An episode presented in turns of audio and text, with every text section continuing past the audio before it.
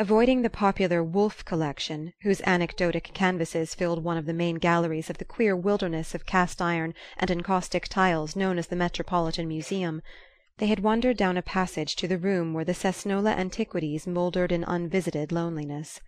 They had this melancholy retreat to themselves, and seated on the divan enclosing the central steam radiator they were staring silently at the glass cabinets mounted in ebonied wood which contained the recovered fragments of Ilium.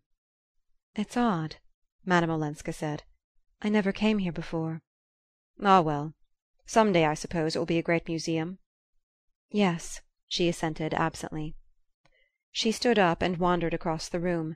Archer, remaining seated, watched the light movements of her figure, so girlish even under its heavy furs, the cleverly planted heron wing in her fur cap, and the way a dark curl lay like a flattened vine spiral on each cheek above the ear. His mind, as always when they first met, was wholly absorbed in the delicious details that made her herself and no other. Presently he rose and approached the case before which she stood.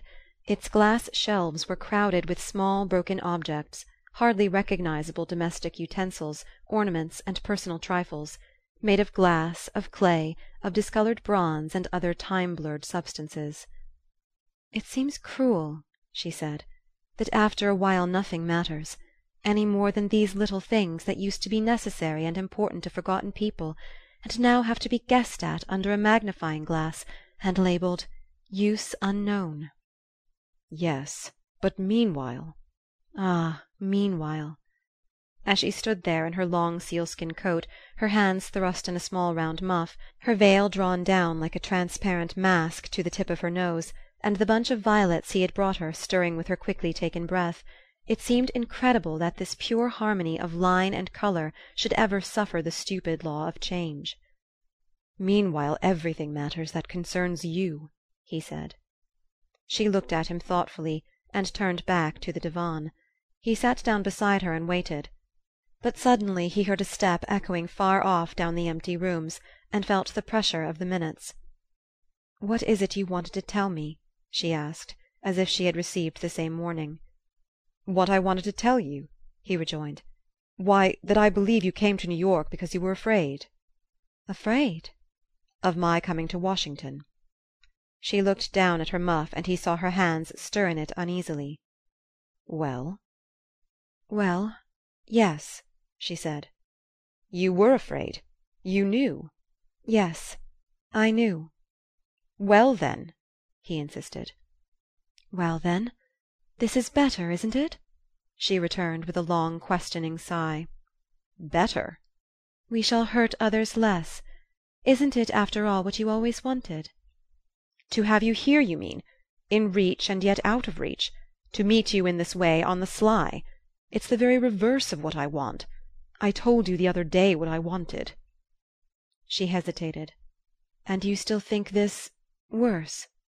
"A thousand times!" He paused. "It would be easy to lie to you; but the truth is I think it detestable." "Oh, so do I!" she cried with a deep breath of relief. He sprang up impatiently. "Well, then, it's my turn to ask.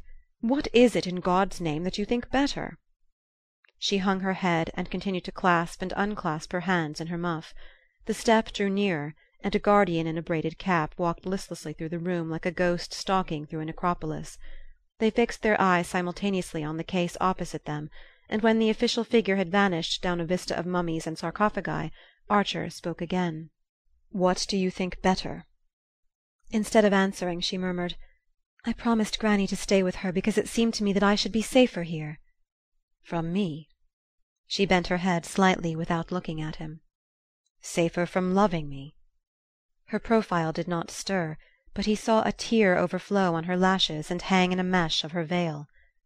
"Safer from doing irreparable harm. Don't let us be like all the others," she protested. "What others? I don't profess to be different from my kind. I'm consumed by the same wants and the same longings." She glanced at him with a kind of terror, and he saw a faint color steal into her cheeks. "Shall I once come to you and then go home?" she suddenly hazarded in a low clear voice. The blood rushed to the young man's forehead. "Dearest," he said, without moving. It seemed as if he held his heart in his hands, like a full cup that the least motion might overbrim. Then her last phrase struck his ear and his face clouded. "Go home? What do you mean by going home?" "Home to my husband." "And you expect me to say yes to that?" She raised her troubled eyes to his. "What else is there? I can't stay here and lie to the people who've been good to me." "But that's the very reason why I ask you to come away." "And destroy their lives when they've helped me to remake mine?" Archer sprang to his feet and stood looking down on her in an inarticulate despair. It would have been easy to say, "Yes, come come once." He knew the power she would put in his hands if she consented. There would be no difficulty then in persuading her not to go back to her husband. But something silenced the word on his lips. A sort of passionate honesty in her made it inconceivable that he should try to draw her into that familiar trap. "If I were to let her come," he said to himself, "I should have to let her go again." And that was not to be imagined. But he saw the shadow of the lashes on her wet cheek, and wavered. "After all," he began again, "we have lives of our own. There's no use attempting the impossible. You're so unprejudiced about some things, so used, as you say, to looking at the Gorgon that I don't know why you're afraid to face our case, and see it as it really is unless you think the sacrifice is not worth making." She stood up also, her lips tightening under a rapid frown.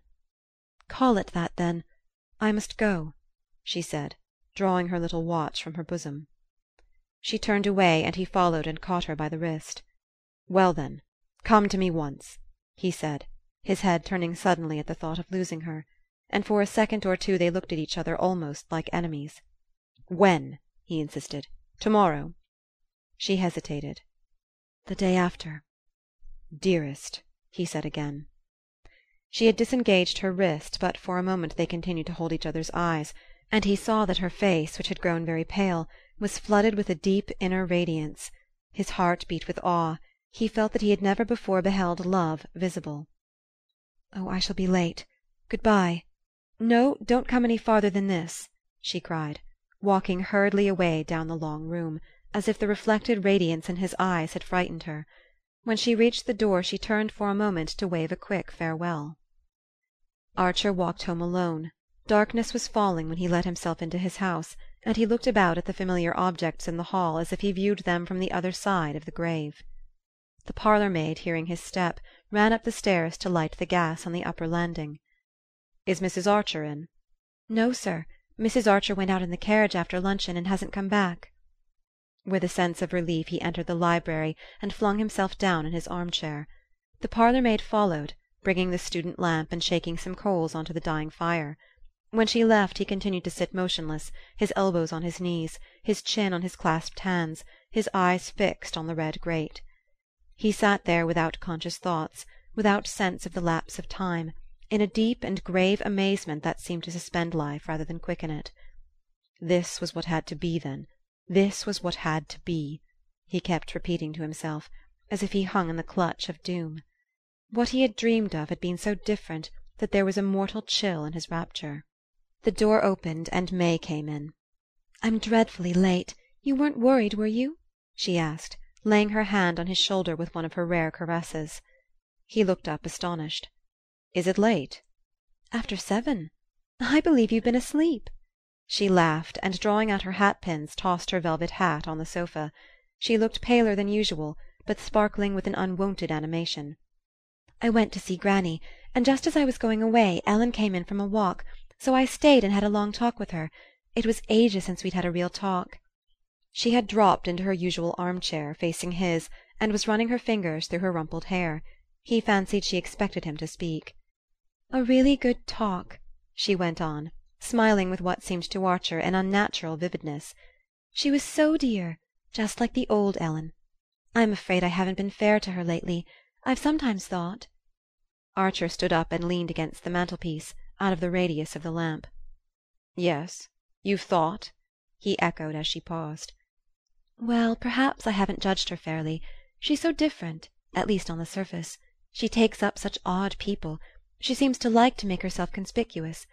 I suppose it's the life she's led in that fast European society; no doubt we seem dreadfully dull to her. But I don't want to judge her unfairly." she paused again, a little breathless with the unwonted length of her speech, and sat with her lips slightly parted and a deep blush on her cheeks. Archer, as he looked at her, was reminded of the glow which had suffused her face in the mission garden at St. Augustine. He became aware of the same obscure effort in her, the same reaching out toward something beyond the usual range of her vision. "She hates Ellen," he thought, "and she's trying to overcome the feelings, and to get me to help her to overcome it." The thought moved him, and for a moment he was on the point of breaking the silence between them and throwing himself on her mercy. "You understand, don't you," she went on, "why the family have sometimes been annoyed? We all did what we could for her at first, but she never seemed to understand. And now this idea of going to see Mrs. Beaufort, of going there in granny's carriage! I'm afraid she's quite alienated the Van der Luydens." "Ah," said Archer, with an impatient laugh. The door had closed between them again. "It's time to dress. We're dining out, aren't we?" he asked, moving from the fire. She rose also, but lingered near the hearth. As he walked past her she moved forward impulsively, as though to detain him. Their eyes met, and he saw that hers were of the same swimming blue as when he had left her to drive to Jersey City. She flung her arms about his neck and pressed her cheek to his. "You haven't kissed me to day," she said in a whisper, and he felt her tremble in his arms.